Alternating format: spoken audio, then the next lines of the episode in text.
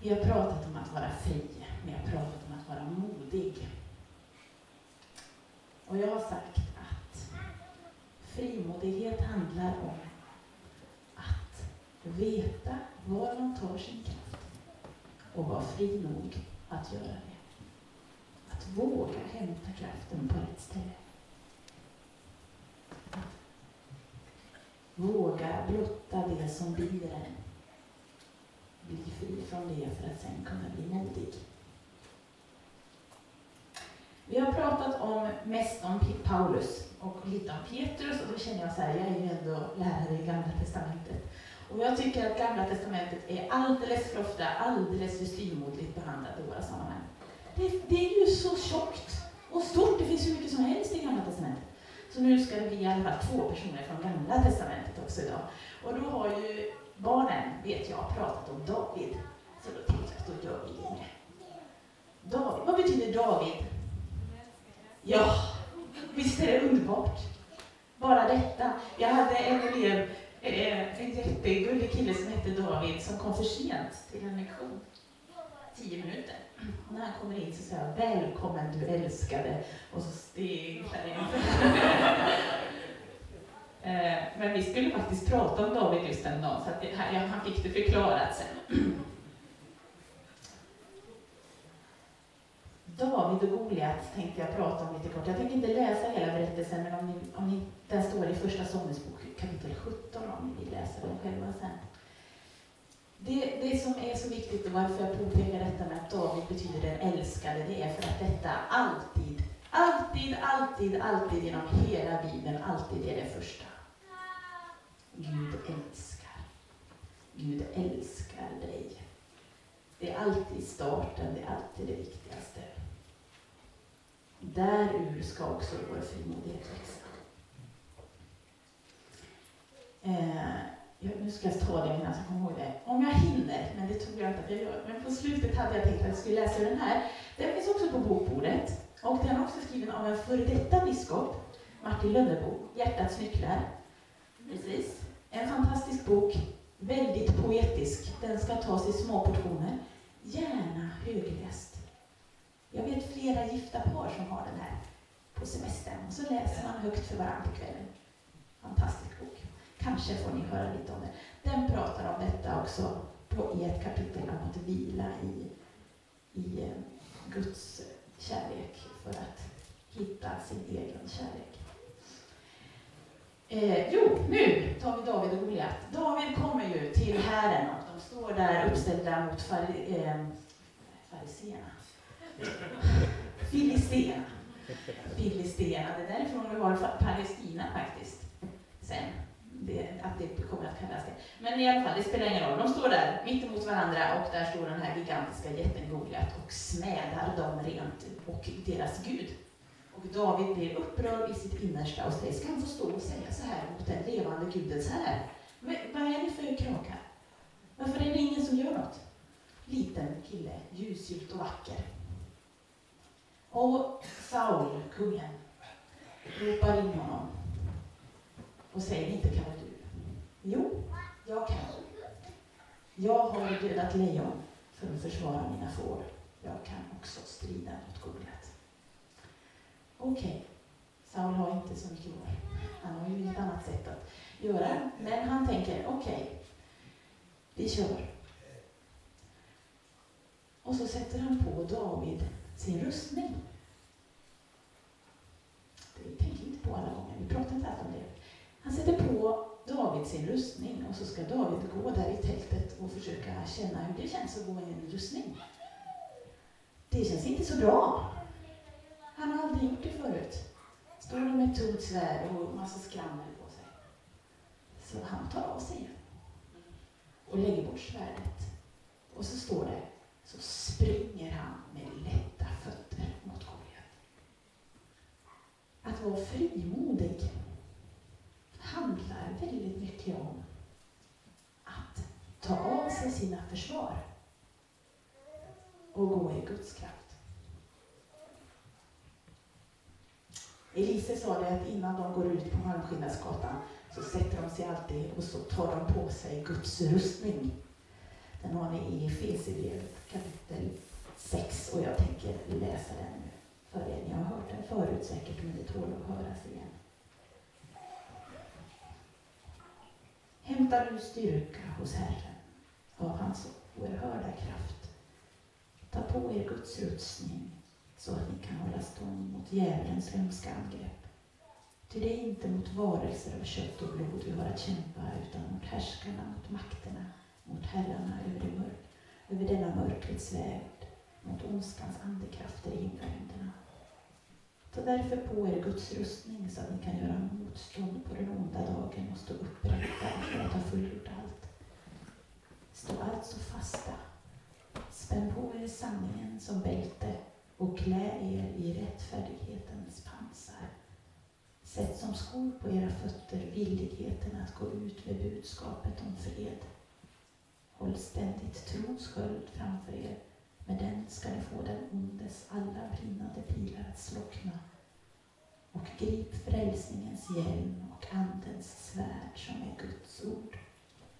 Gör det under åkallan och bön och be i er ande varje stund. Därför ska ni, all, ni hålla er vakna och aldrig tröttna i er bön för alla de heliga. Be i er ande varje be för varandra. Tröttna inte i er bön för alla de heliga. Här kommer det igen. Vi hjälper till och rustar varandra. Det är väldigt lätt att vi tar på oss en massa skydd mot världen. För att den är så skrämmande.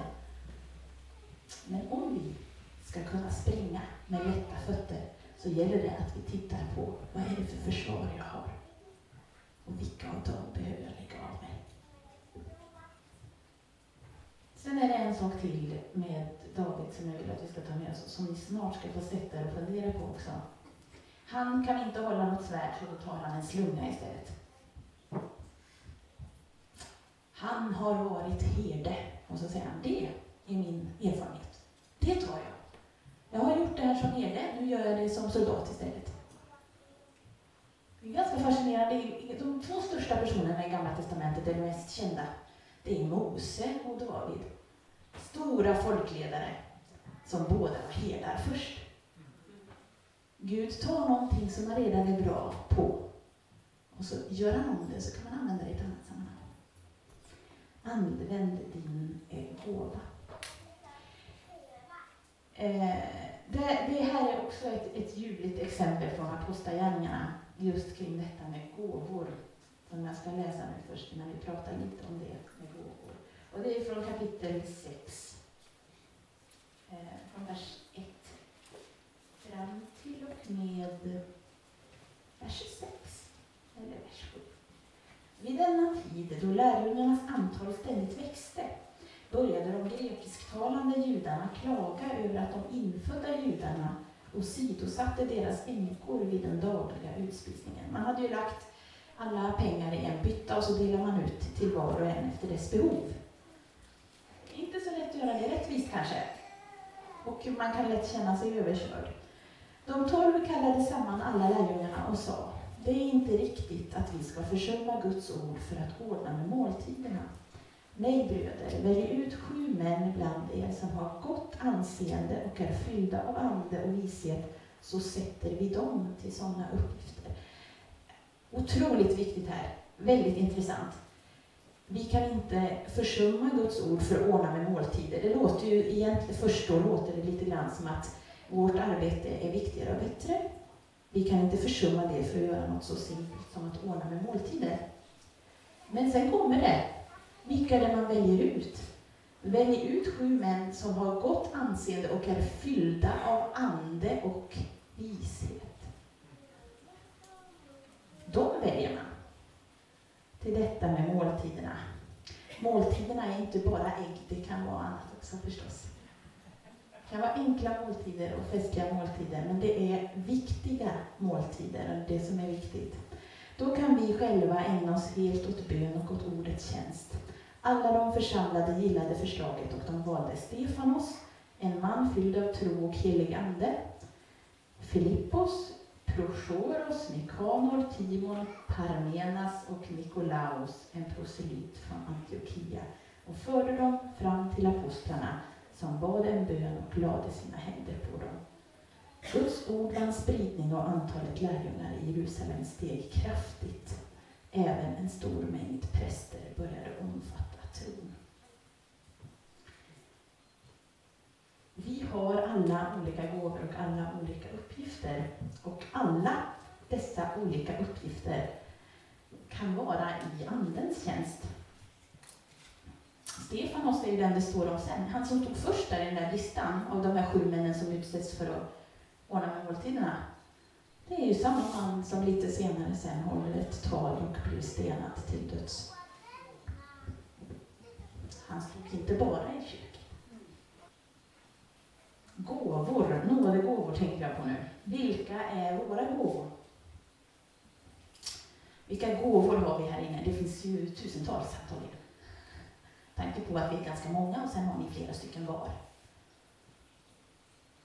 Så uppmanas vi i Bibeln att be om gåvor. Om fler gåvor. Men ibland så har vi en tendens glömma bort eller inte se till det som Gud redan har lagt ner i oss. Man, brukar, man kan skilja på det så här och prata om, eh, gör man ibland, och det kan man göra på lite olika sätt. Så om det är någon eh, teolog här nu som tycker att jag säger något väldigt dumt så får ni väl komma och prata med mig efteråt. Man brukar kunna dela upp det i naturgåvor.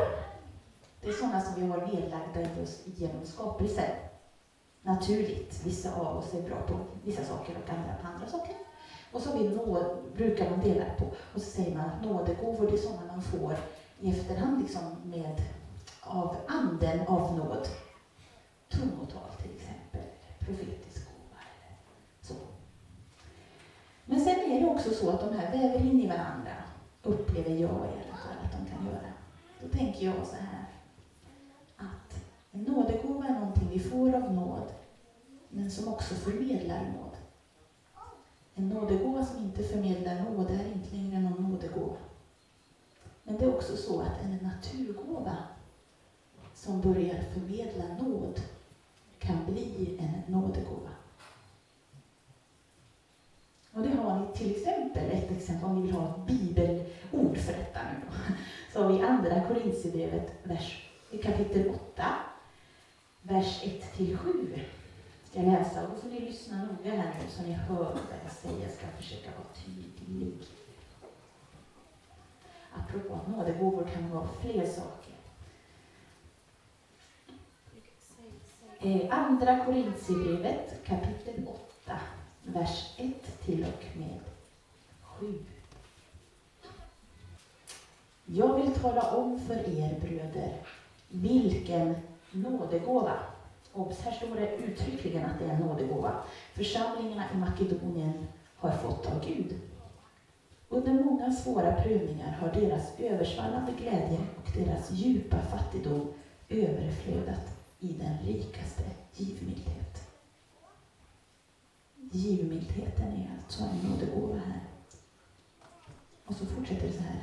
Jag kan försäkra, efter sin förmåga Ja, över sin förmåga har de gett. De kom självmant till mig och tiggde och bad om att få vara med att hjälpa de heliga. Och de gav inte bara det jag hade hoppats. Nu kommer det. Efter Guds vilja gav de först och främst sig själva. Först och främst sig själva åt Herren jag vill berätta för er vilken nådegåva de har fått. De har fått en nådegåva från Gud och det är deras givmildhet och den har inte stannat med att de ger saker. De ger sig själva. Att ge av sig själv är en nådegåva. Och då är det allt som räknas. Inte bara att de av oss som har en profetisk gåva eller en tungotalets gåva eller så vidare, utan även de här andra gåvorna som ni sitter på. Det står så här, ni som har alltid överflöd, tro, tal, kunskap, hängivenhet och den kärlek som jag har uppväckt hos er, se till att ni också ger överflödande prov på denna nådegåva. Ge av dig själv. Ge av dig själv.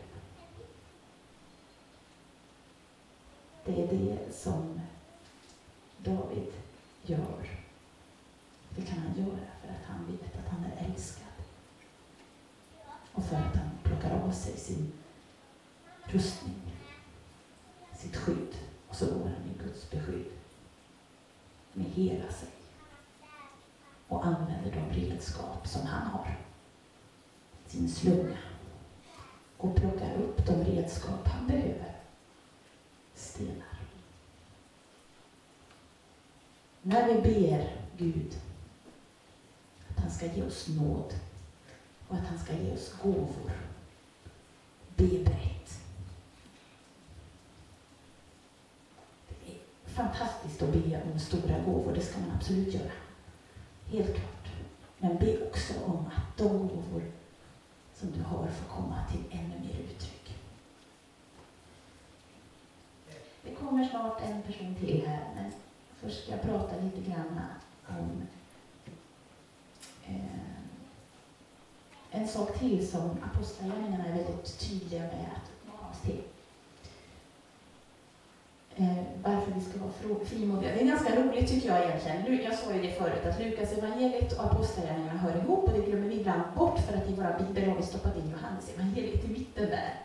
Lite, lite synd, fast det är gjort av ett annat skäl, men det går vi inte in på nu. Men hur som helst, Lukas evangeliet handlar ju om Jesu gärningar.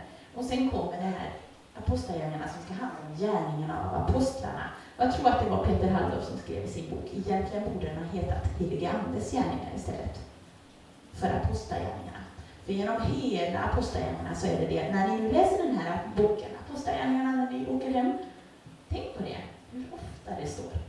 Den helige Ande sa, Anden kom och en ängel kom och sa, Anden ingav honom att. Hela tiden är det Anden som verkar. Och vad är det de gör? Det är också väldigt spännande om man läser Lukas och Apostlagärningarna tillsammans. Börjar med Lukas och sen läser Apostlagärningarna. Då ser man att de gör ju samma sak som Jesus har gjort igen. En gång till. Det är som att det ska visas att när helig Ande kommer så är det verkligen det den vill göra. Den vill eh, göra oss, eh, hjälpa oss att följa Jesus fotspår. Väldigt konkret. Man kan, kan hitta i, eh, det finns olika böcker där det finns uppställt till och med. Både Petrus och Paulus till exempel botar en lame man. De uppväcker också från döda.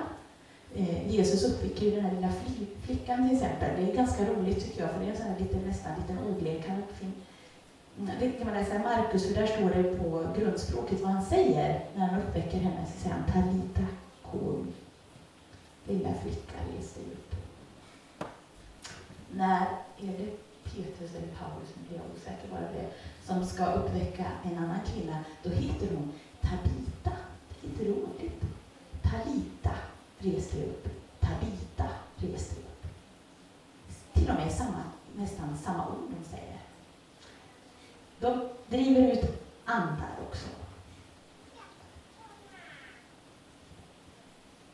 Hel, att, att vara frimodig i att be för människor som är sjuka.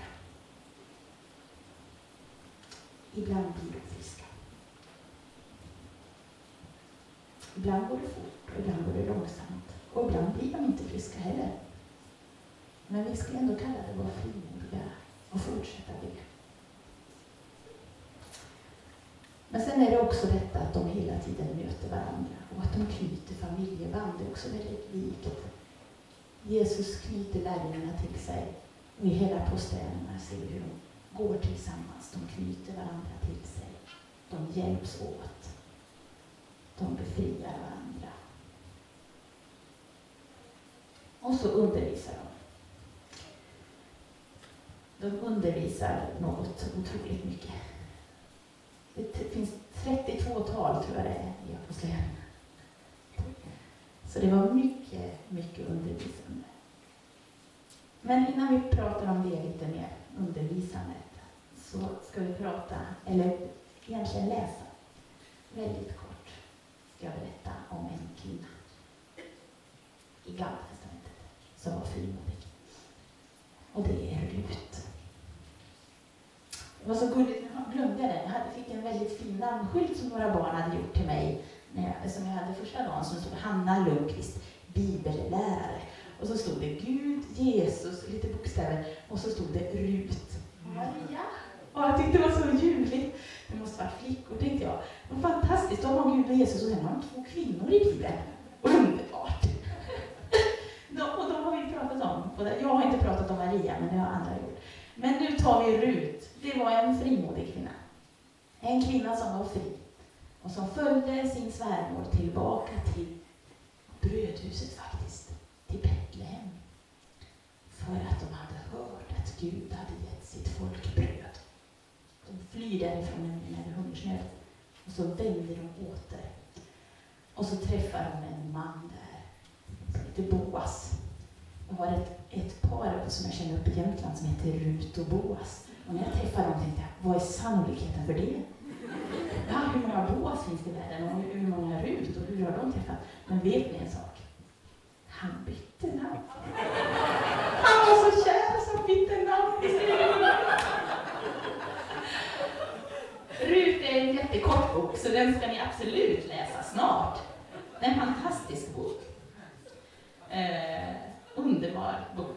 Eh, och det går att se otroligt mycket Jesus-symbolik i Boas och Ruts relation. Det finns jättemycket där. Är det någon som har något bra bibelstudium om det någon gång ska ni gå på det. Det är roligt. Men nu, mina så är det så att vi ska läsa istället. Eh, Rut har nämligen, säger något väldigt vackert till sin svärmor. Och den fina texten fick jag äran att läsa på ett bröllop till en gammal elev i höstas. Till våra andra på bröllop. Men den går också att använda som en frimodig bön till Jesus. Och det är så vi ska läsa den nu. Och jag kommer att, att läsa den. Mm. Jag kommer att läsa den högt först själv. Så får ni lyssna bara. Och sen ska vi läsa den tillsammans och då kommer den komma upp här eh, på väggen. Ruts bok är liten, så den är svår att hitta. Den ligger precis efter Domarboken. Ni har fem Moseböcker, sen har ni Domarboken och sen kommer Ruts bok. Om man läser Domarboken blir man lätt deprimerad. Det är en fruktansvärd bok. Då kan det hjälpa att läsa Ruts bok och så tänka på att båda de böckerna utspelar sig under samma tid. Så även om domartiden var en väldigt mörk tid så finns det även där ljus. Ruts bok kapitel 1, vers 16b kan vi säga. Till Jesus. Dit du går, går också jag. Och där du stannar, stannar jag. Ditt folk är mitt folk. Och din Gud är min Gud. Där du dör vill jag dö och där vill jag bli begraven. Där vid korset får vi lägga det gamla och bli någonting upprättat. Då ska du få trycka upp den. Nu tänker jag att vi ska läsa detta tillsammans. Och då gör vi växelläsning eller, ja, jag läser första biten, strofen i varje, i varje eh, mening. Och så läser ni allihop tillsammans andra sen. Så gör vi detta tillsammans som en överlåtelse till Jesus. Dit du går, går också jag. Där du stannar, stannar jag. Ditt folk är mitt folk. Din Gud är min Gud. Där du dör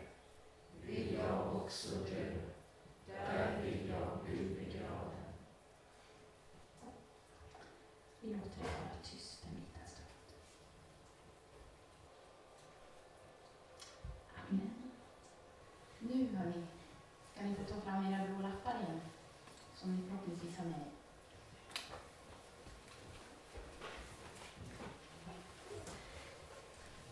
står det fri, och då står det modig, och då vill jag att ni skriver frimodig. Och så överst där skriver ni älskad.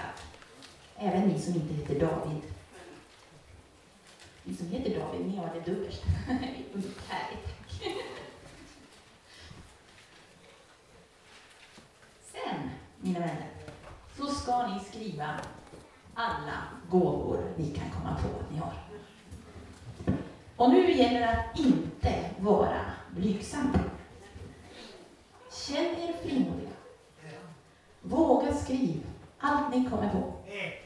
Hur litet och obetydligt det än må vara, faktiskt. Det kan, kan vara små saker som står där också. Varsågod och skriv. Om ni känner någon som sitter nära er så kan jag också knacka dem på axeln och liksom säga du, jag tycker du ska skriva det här. Som lite uppmuntran kan man göra också, om, om man har någon nära sig som man kan uppmuntra. Men varsågoda och skriv nu. Det här är också en övning i frimodighet, att våga se, det här är jag bra på. Det här är en tillgång jag har. Först när man ser dem så kan man använda dem. Använda dem mer och bättre. Så varsågod och skriv.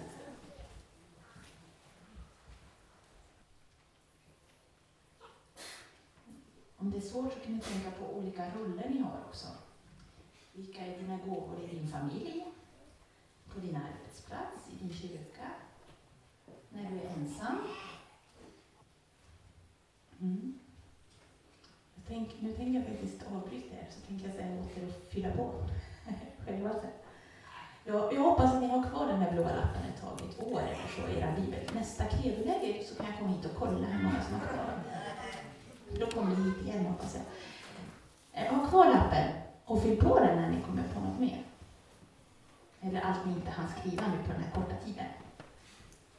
En sak till ska ni skriva och så ska ni ruta in det så här som man gör som lärare, ni vet, låt stå. Men ni ska inte skriva låt stå, ni ska skriva använd! utropstecken.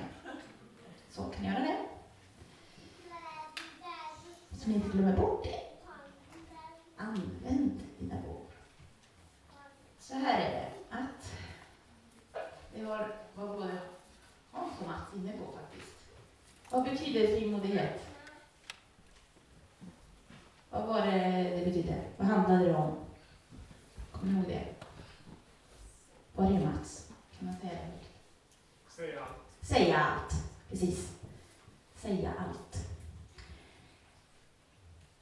Varenda gång, här har ni de gångerna. Bibeln.se är jättebra sajt. Man kan slå på ett ord och så får man upp alla gånger det används i Bibeln. Jättesmart. Alla gånger som ordet frimodighet eller frimodigt används i Apostlagärningarna så är det i samband med att man talar om Jesus. Se nu hur de hotar oss, Herre, och ge dina tjänare frimodighet att förkunna ditt ord. Det är första. Det är bra. Första stället det står är en bön. Herre, ge oss frimodighet att förkunna. Sen kommer det, han förkunnade frimodigt Guds ord. Han talade frimodigt i Herrens namn. De svarade frimodigt. De, eh, I en längre tid talade han öppet och frimodigt i förlitan på Herren. Han talade frimodigt, han talade öppet och frimodigt. Och sista versen i Apostlagärningarna, absolut sista, är så här. Och han förkunnade Guds rike och undervisade om Herren Jesus Kristus med stor frimodighet och utan att bli hindrad. Vi har alla olika gåvor och det är jättebra. Och en del har gåvan att tala, vilket faktiskt också är en, en eh, gåvan att tala och profetera och så, som gör, räknas upp bland namnens gåvor. Andra upplever inte att de har den gåvan. Och de kan ju antingen vilja ha den, eller så känner man att jag har andra gåvor. Och det, det är otroligt viktigt att det är så. Att vi har olika gåvor. All, det står ju också flera gånger, det, det skulle inte funka om alla hade samma. Ett, helt, ett helt rum fullt med talare, vem ska lyssna? Vem ska be? Om alla folk tog och prata hela tiden.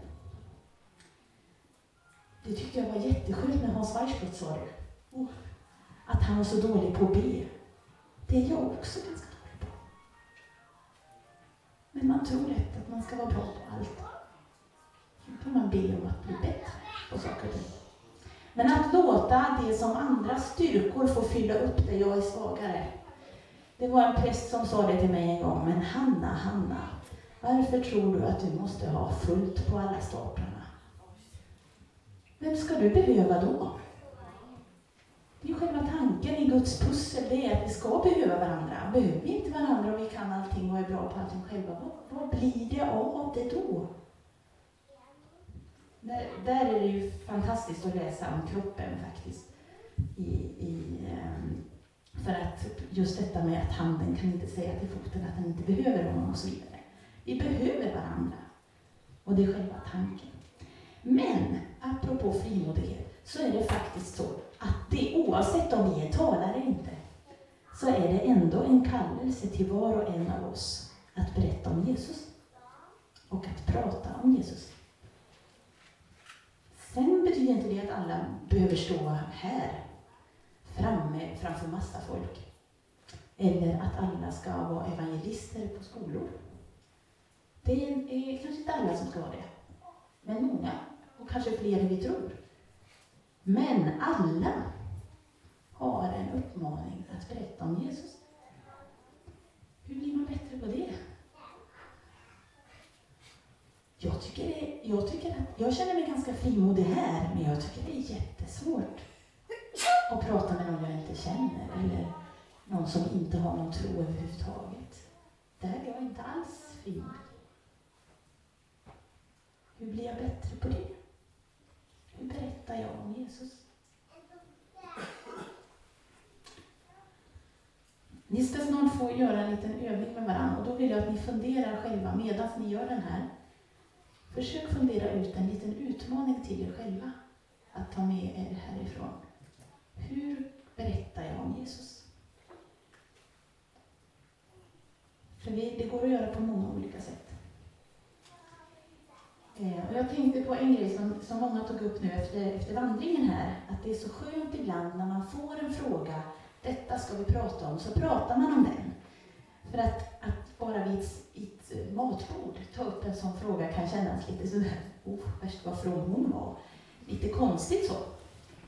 Och så blir det inte att vi kommer och pratar om de här frågorna som är så viktiga för oss alltid.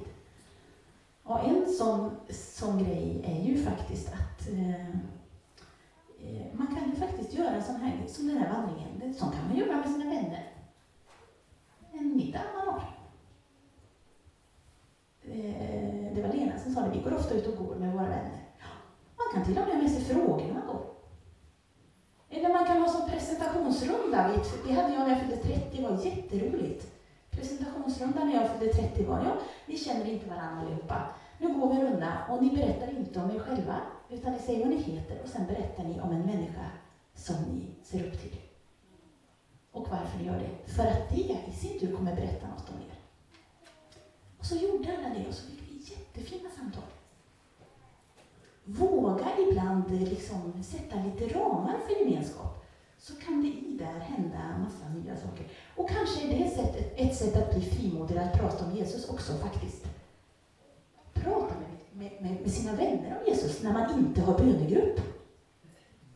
Det, det, det är vi också olika bra på. Jag är säker på att en del här inne gör det redan.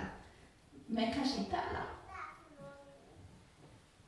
Prata om Jesus och vad tron betyder med varandra, för då kanske man blir frimodig att också göra det med andra. Du är älskad. Du är Du är kallad till frihet. Du äger ett löfte om mod och kraft från Anden. Så gå. Lägg av dig dina försvar och spring med lätta fötter. Använd dina gåvor. Gå inte ensam.